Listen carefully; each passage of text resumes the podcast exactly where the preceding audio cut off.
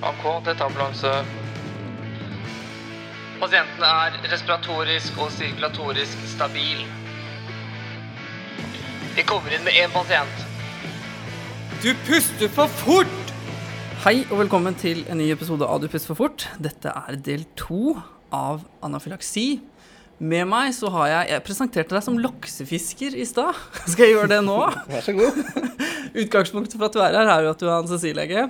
Fredrik Ottesen, velkommen tilbake. Takk for det. Du, nå skal vi prate om behandlinga om anafylaksi. Ja. Forrige episode snakka vi litt om eh, patofysiologien bak hva som skjer, og litt eh, symptomer. Um, la oss begynne først med mm, primærundersøkelsen, da. A. Eh, vanlige symptomer er da hevelse i tunge og, og um, kanskje mye slim, mye rennende nese, som kan være truende for A. Du kan si det sånn at du må jo tilnærme deg, eh, som vi snakka om sist, da. Dette kan være veldig vage symptomer, og det kan være ganske sikker på hva dette er. Det kan være dramatiske symptomer. Så uansett eh, så må man jo tilnærme seg pasienten på vanlig måte, egentlig, med ABC-tankegang. Det som er spesielt, da, for å snakke litt om det rundt akkurat denne tilstanden, er jo at på A, som jo kommer først, eh, så kan luftveien være ganske bra akkurat når du kommer til stedet, kommer til pasienten, men det kan utvikle seg. Så her er det en dynamisk prosess som man må følge med på. Og det typiske er jo det man er redd for, at det skal gå tett i luftveien, rett og slett, eh, med da fatale følger. Så det å se litt aktivt etter hevelse på halsen, det å se inni munnen, hevelse drøvel i tunge, spørre pasienten om, de, om han eller hun syns at det kjennes hovent ut. Er det lett å svelge? Eller Ja, å svelge? eh, sikling f.eks. er jo et tegn på at det kanskje er ganske tett. Mm. Eh, og, eh, men også ikke bare se og tenke at det er greit, men dette kan også øke på. og Det kan øke på ganske fort. Det er det som er så skummelt med den tilstanden her. Det å være hes og ha blitt plutselig hes er jo et tegn kanskje på ødem da akkurat i stemmespalten, hvor det er som trangest. Og det er veldig viktig å catche. For det er små marginer, altså. Og særlig jo mindre pasientene pasienten er, jo mindre marginer har man. Så mm, akkurat A er viktig, og ikke bare evaluere, men også reevaluere. Også viktig å tenke på her kan det hende jeg trenger hjelp. For jeg ser at her er det store hevelser i munnen. Ehm, Så er det jo også å tenke kanskje noen må til å legge denne pasienten narkose for å få eh, rett og slett luft forbi det trange partiet etter hvert. Så det er greit å, å ha en tanke om å be om bistand fra luftambulanselege eller inne på sykehus, for så vidt. Eh, Hvis man skulle komme dit. Og dit kan hende man kommer. Og det kan jo i noen steder ta veldig lang tid. Um, hjelpemidler man har da i bilen utenom medikamenter, det tar vi litt seinere. Da tenker jeg på svelgtube, eh, sånne ting på bevisstløse pasienter som tolererer det. Ja. Så tenker jeg at du skal ha en luftvei som er fri. Det skal passere luft, det er det viktigste. Om man velger å få gjort det ved å holde et kjevetak, eller om eh, Det spørs hva problemet er. Er det en sirkulasjonssvikt som gjør at man er bevisstløs, så er det stort sett ikke noe problem. Eh, Er det fordi det er hovent bak i halsen? Jeg ville ikke hatt noe problem med å legge inn en svegtube eller sånne ting. Jeg hadde en pasient en gang som hadde fått i seg nøtter som han ikke tålte. Og da jeg kom, så satt han med en sånn rørepinne til, øh, som han rører i drinker med, og inn i munnen, og pressa ned tunga sjøl. Ja. Og hadde da noen få kvadratcentimeters øh, åpning som han klarte å puste gjennom. Det var kreativt, da. Det var kreativt av pasienten, og jeg fikk ikke lov å, å ta den ut. For å si det sånn. Så, og den fikk han beholde. Og han ble bedre av denne medisinbehandlingen etter hvert, men han ordna jo dette selv. Han hadde mest av pustepåvirkning, ikke sant. Så eh, Men det er bare viktig å vite det at selv om du setter ned en svelgetube, eh, så kan også problemet sitte lenger ned.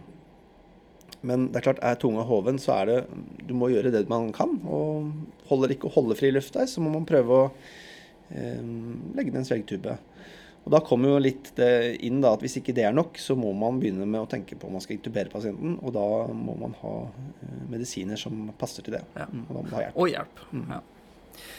Og så er vi på B, da.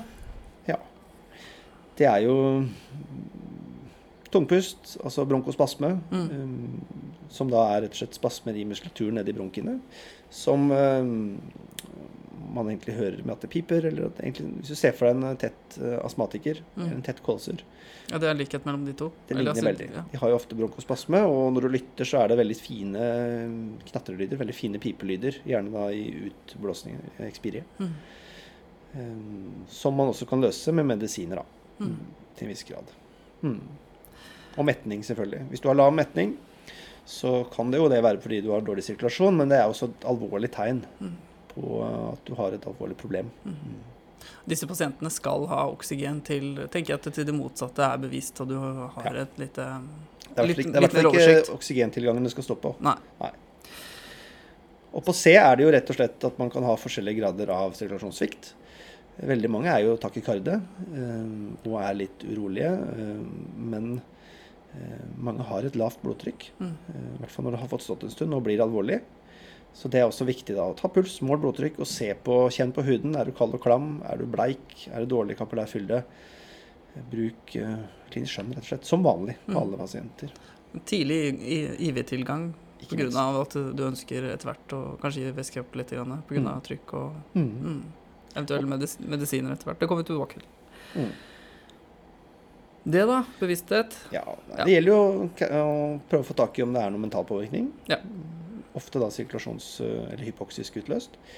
Eh, og så er det E, rett og slett, å nøste litt i hvordan har de fått dette allergenet. Er det, sitter det vepsebrodden igjen i armen?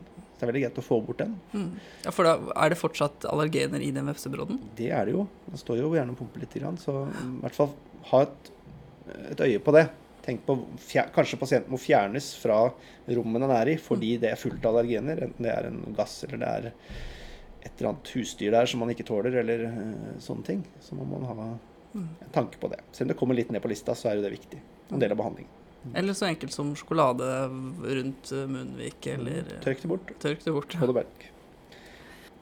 Da går vi til eh, selve behandlingen da, på anafylaksi. Da tar vi for oss sjokk, gjør vi ikke det? Først. Ja, de Ja. mer eh, alvorlige eh, delene av det. Ja. Det klassiske, eh, som det står i lærebøker og i felleskatalogen og alt, er jo det at får du en mistenkt anafylaksi, så skal du legge pasienten ned, fjerne allergen og gi adrenalin. Det er på en måte det aller, aller første behandlingen. Eh, adrenalin er jo et fantastisk stoff, brukt riktig.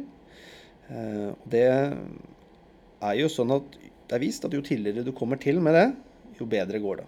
Og det er litt logisk, for du setter egentlig i gang da, et, eh, med å være borti et allergen, setter du i gang en svær kaskadereaksjon og en eksplosjon nesten. Og jo tidligere du kommer til og får stagga den, eh, jo lettere er det å få kontroll.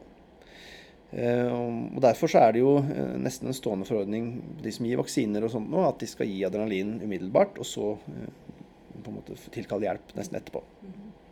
Eh, og det er jo sånn da at eh, det som eh, potensielt plager en anafraksipasient mest, det er jo det vi snakka om i forrige episode, vasodilatasjon. Karene vier seg ut, og du får lavt blodtrykk. Cardiac output går ned. Hjertet prøver å kompensere, men det er ikke alltid den klarer det i, i lengden. Og I tillegg så kan man få da bronkospasme og, og sånne ting. Og ved å gi adrenalin så motvirker dette på alle fronter. Eh, Vi kommer litt tilbake til doser. Eh, Mange har jo EpiPen, altså adrenalin eh, hjemme, som de setter i, i låret. I påvente da av å få en ambulanse hjem, eller lege. Og adrenalin er jo ekstremt potent stoff, mm. men det er jo helt fantastisk stoff. Mhm. Kan ikke du fortelle litt hva adrenalinet egentlig er for noe, og hva det gjør for noe? Det ligger litt i navnet. altså Adrenalin. Eh, rett og slett binyre, et binyrehormon som vi har i kroppen alle sammen. Eh, men det er jo da eh, kunstig framstilt. Og når vi gir det, så virker det på det adrenergesystemet i kroppen vår. Og klassisk så leser man jo om alfa- og beta-reseptorer. Kort fortalt, alfa-reseptorer, når du stimulerer det, så får du karkonstriksjon i kroppen. Og Beta-stimulering deler ofte i to, til dels i tre, kanskje enda mer. Men beta 1 har mest med hjertet å gjøre, og beta 2 har mye med lungene å gjøre. Eh, og For å gjøre det litt enkelt, når man stimulerer beta 1, så vil hjertet slå fortere, det vil slå kraftigere, eh, og få mer trøkk, få mer blod ut. Eh, Beta 2, når du stimulerer det, så vil, virker det primært da i lunger og får eh, bronkodilatasjon, altså lunge, eh, sentrale lungene og bronkiolet utvider seg. Og alt dette her er jo egentlig det motsatte, stikk motsatte av det som skjer når du får en anaflaktisk reaksjon, anaflaktisk sjokk. Så adrenalin er veldig gunstig. Um, du har jo masse forskjellige medisiner som virker på forskjellige av disse undergruppene. F.eks. Ventolin, som vi bruker på lunger, det virker jo rent på beta-2 og stimulerer lungene. Uh, du har alfa-stimulerende midler, som er pressorer som vi bruker mye i anestesin og på intensiv, som fenylefrin f.eks., efedrin. Uh, mens adrenalin virker på alt, og det virker akkurat dit du på en måte vil ved å reversere dette her, denne prosessen. Så vi setter dette intramuskulært for å komme raskt i gang. Doser til voksne Da må man jo følge lokale retningslinjer med MOMO osv. Men jeg pleier å sette 0,3 mg intramuskulært. 0,3 til 0,5. Avhengig av hvor ille dette er, og hvor stor det er. Mm. Først. Og så På voksne. På voksne. Ja. Så begynner jeg å eh, legge inn veneflon etterpå og gjøre alle disse tingene. Men adrenalin skal gis tidlig. Mm. Det er et godt poeng. Hos barn eh, ca. 0,01 per kilo. Så det, EpiPen junior er vel 0,15 eh, mg. Eh, så der må man bruke litt mer skjønn og regne ut dosen underveis. da. Mm. Men generelt så skal alle ha adrenalin. Uavhengig om de er hjertesyke, om de er eh, betablokkerte, om de er friske fra før. Fordi adrenalin er det som snur dette her. Både gjelder hevelse og sirkulasjonssvikt. Mm. Det som er viktig å si, da, er at adrenalin virker ganske kort. Det virker eh, ikke lenge. Det er ofte veldig potent, og du får en god effekt.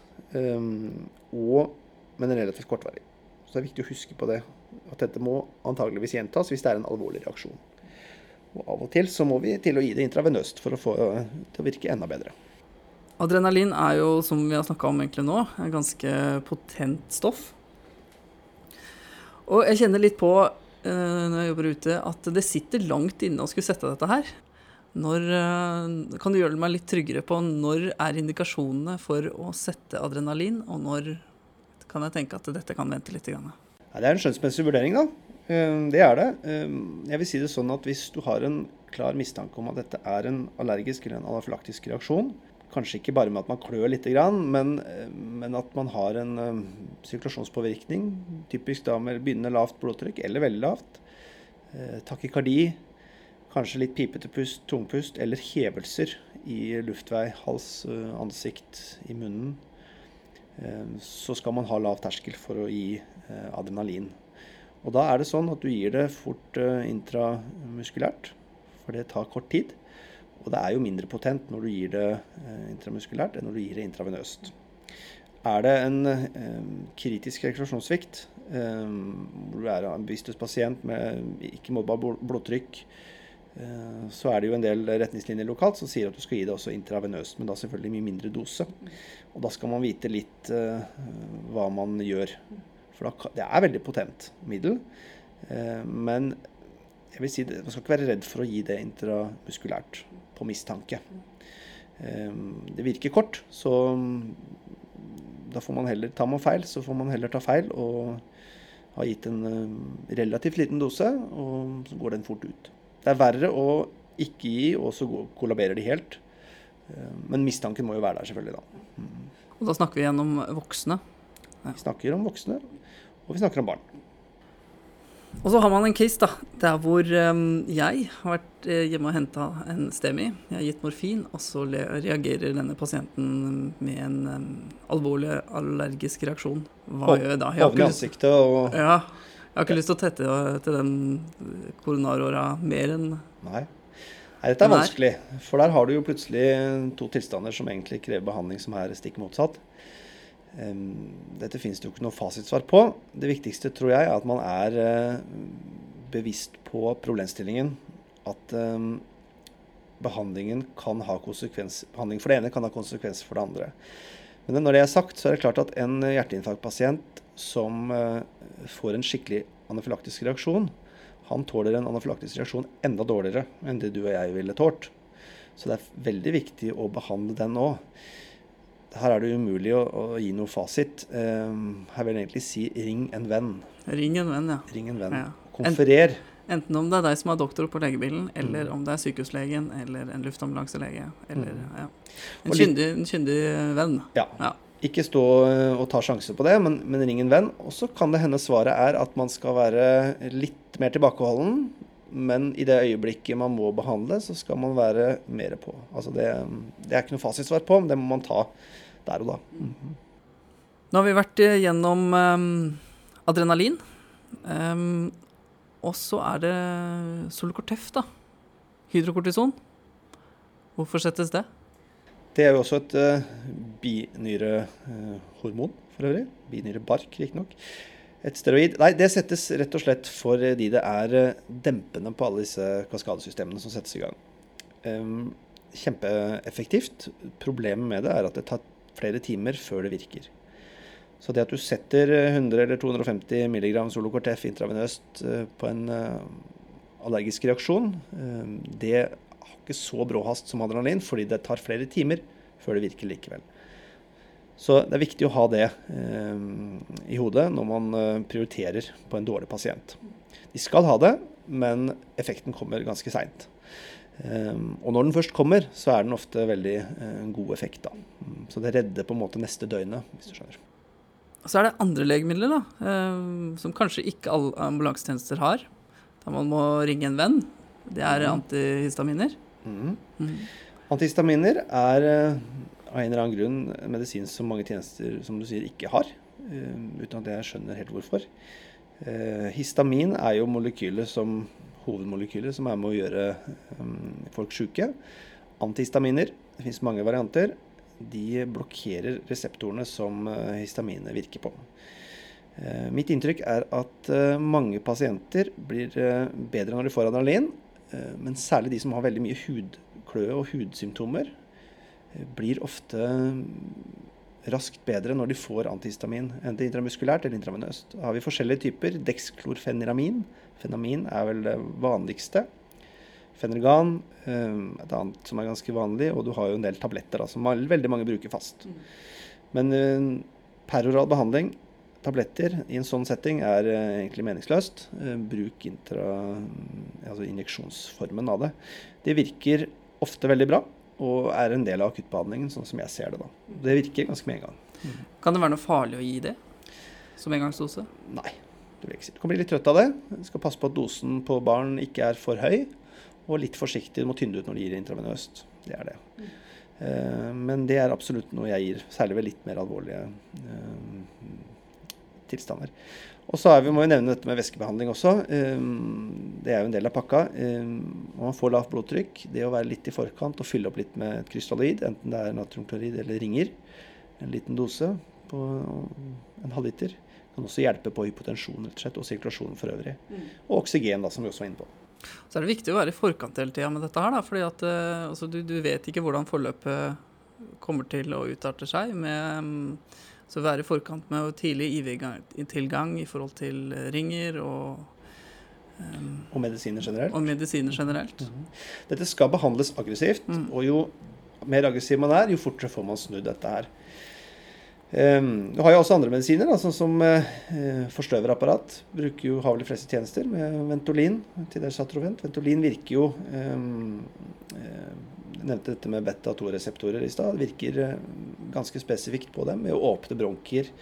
Og kanskje spesielt virkningsfullt når det er bronkospasme, da, eller man er kall det astmatisk i, i lungene. Pipete pust og tungpusten. Mm. Verdt å prøve. Og det drives jo av oksygen, så du får jo også en høy flom med oksygen parallelt. Og får mm. fukta litt nedover, så det, det er bra. Mm. mm. Dette kan man prøve. Da har vi egentlig vært gjennom eh, det vi kan tilby av behandling prehospitalt. Mye av det. Um, men når skal jeg være fornøyd med mm, den behandlingen jeg har gitt, da? Uh, og, eller når skal jeg be om legeressurs og hjelp fra deg? Jeg tenker i hvert fall hvis pasienten er dårlig, vi har snakka litt om det før, uh, særlig da med en trua luftvei eller en ordentlig sirkulasjonssvikt, så er det lurt å be om hjelp tidlig. Så kan man heller uh, avbryte ressursen på veien. Ehm, fornøyd med behandlingen når man ser at man får kontroll. Eh, kanskje pasienten føler seg roligere, pulsen går ned, blodtrykket går opp. Eh, hevelsene trenger jo ikke gå tilbake med en gang, men kanskje man føler at det klør mindre. At eh, pasienten kjenner at hevelsen kanskje også går noe tilbake, så man får en kontroll. Ofte er det lurt å gi en pakke. Man, gir, man gjør alt eh, når man har en ordentlig reaksjon, allergisk reaksjon. Gi oksygen, få inn en nål, få gitt litt væske, få gitt adrenalin, få gitt antihistamin hvis man har det, eh, og få gitt Solikort Da har man gitt en slags kall det en allergipakke.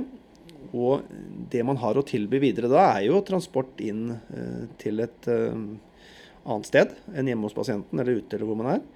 Eh, og det man kan gjøre underveis, er å gjenta adrenalindosen. For det er en kortvarig effekt, som sagt, og vi titrerer. For det er et potent, potent medikament. Så det kan vi tilby på veien. Vi ser at man blir tettere og dårlig igjen, og det syns jeg vi ser ganske ofte. Gir vi en ny dose. Kanskje vi justerer litt opp, kanskje vi justerer litt ned, avhengig av bivirkninger og effekt. Og hvor farlig dette er for pasienten, egentlig. Kan ikke du ta fram litt eh, hva eh, legen kan Hva slags behandling legen kan tilby utenom da eh, antihistaminer i forhold til intubering og eh, når du vil gjøre Altså for lytterne til å kjenne igjen når at man bør tenke at den her burde kanskje intuberes. Og det, og det er jo ærlig talt uh, vanskelig, fordi du vil helst slippe. For du vet at stort sett virker behandlingen, men du vil ikke være for sein. Du vil intubere mens du fortsatt får det til. Venter du for lenge, så kan det være vanskelig å få det til. Og så får du ikke tuben ned, for det hevelse der, og så får du sånn. Så på et eller annet tidspunkt må du skjønne at nå går du utforbakke. Da må du bestemme deg. Og du må ikke vente for lenge. Men når det er sagt, så er det ofte at de har eh, god effekt av behandlingen ganske fort. Om ikke sånn fullstendig, så i hvert fall at det snur. Eh, Og så kan du heller ha intubasjonsutstyret og medikamentene klare. Ikke sant? Og roe ned pasienten og ha beredskap hvis du skjønner å nå blir den dårligere igjen. Vet du hva, nå bestemmer jeg meg bare. For nå er det så uttalt at uh, Det blir på en måte svaret på det. For å ta det perspektivet, da. Uh, og man kan jo også være litt tøffere når man er vant til å bruke adrenalin intravenøst, f.eks. Litt tøffere med doseringen. Uh, og ta det ansvaret, for man bryter jo kanskje retningslinjene på en måte man har som i ambulansen. Men det kan jeg gjøre, men det er mitt ansvar. Ikke sant? Jeg, jeg, jeg trenger ikke å følge boka, jeg kan følge eh, det jeg tror er riktig. Og det er liksom en stor forskjell. da. Og så, da. Omsorgsnivå eller behandlingsnivå. Nå har vi vært eh, hjemme hos en pasient. Vi har behandla han både med adrenalin og Solcortef, og kanskje også Ventolin og ringer. En, en dårlig pasient som plutselig blir bedre. Hva, hva bestemmer et behandlingsnivå for disse pasientene her? Og dette er jo litt gledelig med denne sykdommen, for å kalle det det. Det er jo at de har ofte god eh, effekt av den eh, primærbehandlingen. Mange føler seg veldig mye bedre. ehm, Og klart gjør de ikke det, så er jo saken grei. De må inn på sykehus hvis ikke de har effekt av behandlingen. Men la oss si man blir veldig mye bedre da. Så er det eh, en potensiell felle å gå i, fordi som vi har sagt før, adrenalin har kort halveringstid. Behandlingen virker godt, men den virker ganske kort. Så det kan fint være behov for flere doser. Og eh, dette kan sitte i mange timer, eh, tilstanden. Og jeg vil si det sånn at alle pasienter som har hatt mer enn en helt banal allergisk reaksjon, de skal i hvert fall inn på en legevakt og bli vurdert av en lege der. Helst da observeres, eventuelt inn på sykehus. Jo mer alvorlig tilstanden har vært, eh, selv om de er ganske bra nå, jo mer eh, heller det i retning at de skal inn på sykehus til observasjon. Og det er veldig få sykehusleger som eh, ikke beholder de over natta, nettopp for å se. Ikke de skal tetne til igjen.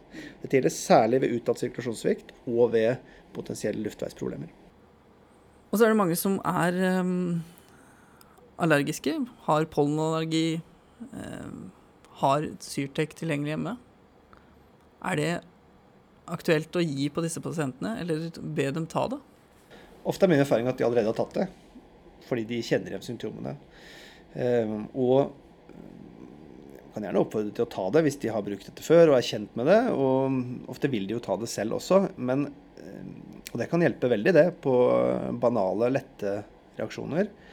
Men man skal huske det at eh, man kan ha ødemer i tarmen. Det kan være vanskelig opptak, dårlig opptak av disse medisinene. Så en dårlig pasient så hjelper ikke som hovedregel det å gi tabletter. Da skal man gi dette parenteralt, altså intravenøst eller eh, intramuskulært. for å sikre at dette blir tatt opp. Så kan man heller eh, på legevakta eller på sykehuset begynne med tabletter hvis forholdene ligger til rette for det. Men vi kan ikke nekte pasienten å ta medisinen sin. Så det, det kan være smart å ta det. Så skadelig er det nok ikke. Men eh, Men På disse lette reaksjonene så kanskje oppfordre til at de tar medisinen din, da. ja. Ja. Men det fordrer jo at de er kjent med det, og at det er, medisinen er utskrevet til dem. da. Mm. Vi skal ikke begynne å få andres medisiner til um, å gi det til pasientene. I hvert fall uten å ha konferert med en lege som kan, kan stå ansvarlig for det. Mm. Det er i hvert fall min mening. Mm. Da har vi vært gjennom um, anafylaksi, selve patofysiologien og hva som skjer, og symptomer. Og i siste episode nå så har vi vært gjennom selve behandlingen av anafylaksi. Fredrik, Mm. vi avslutter nå, gjør vi ikke det? Det gjør vi. Utrolig mye du kan til å være laksefisker. Jeg plukker opp litt av hvert i lakseelva. Tid til å tenke. Du, hjertelig takk for at du ville komme hit i podkasten og prate om um, anafylaksi, og gjøre at jeg blir litt tryggere på det. Bare hyggelig. Og så håper jeg vi høres en uh, annen gang også. Det kan nok hende. Takk for nå. Hvis du vil være med og støtte podkasten Du puster for fort, så kan du nå gå inn på patron.com, og så kan du gi det beløpet du ønsker, og det du velger. Og linken den finner du enten her hvor du hører på podkasten, eller du finner den på Du puster for fort sine Facebook-sider. Og nå gjenstår det bare å si tusen takk til Fredrik Ottesen, og ha det godt!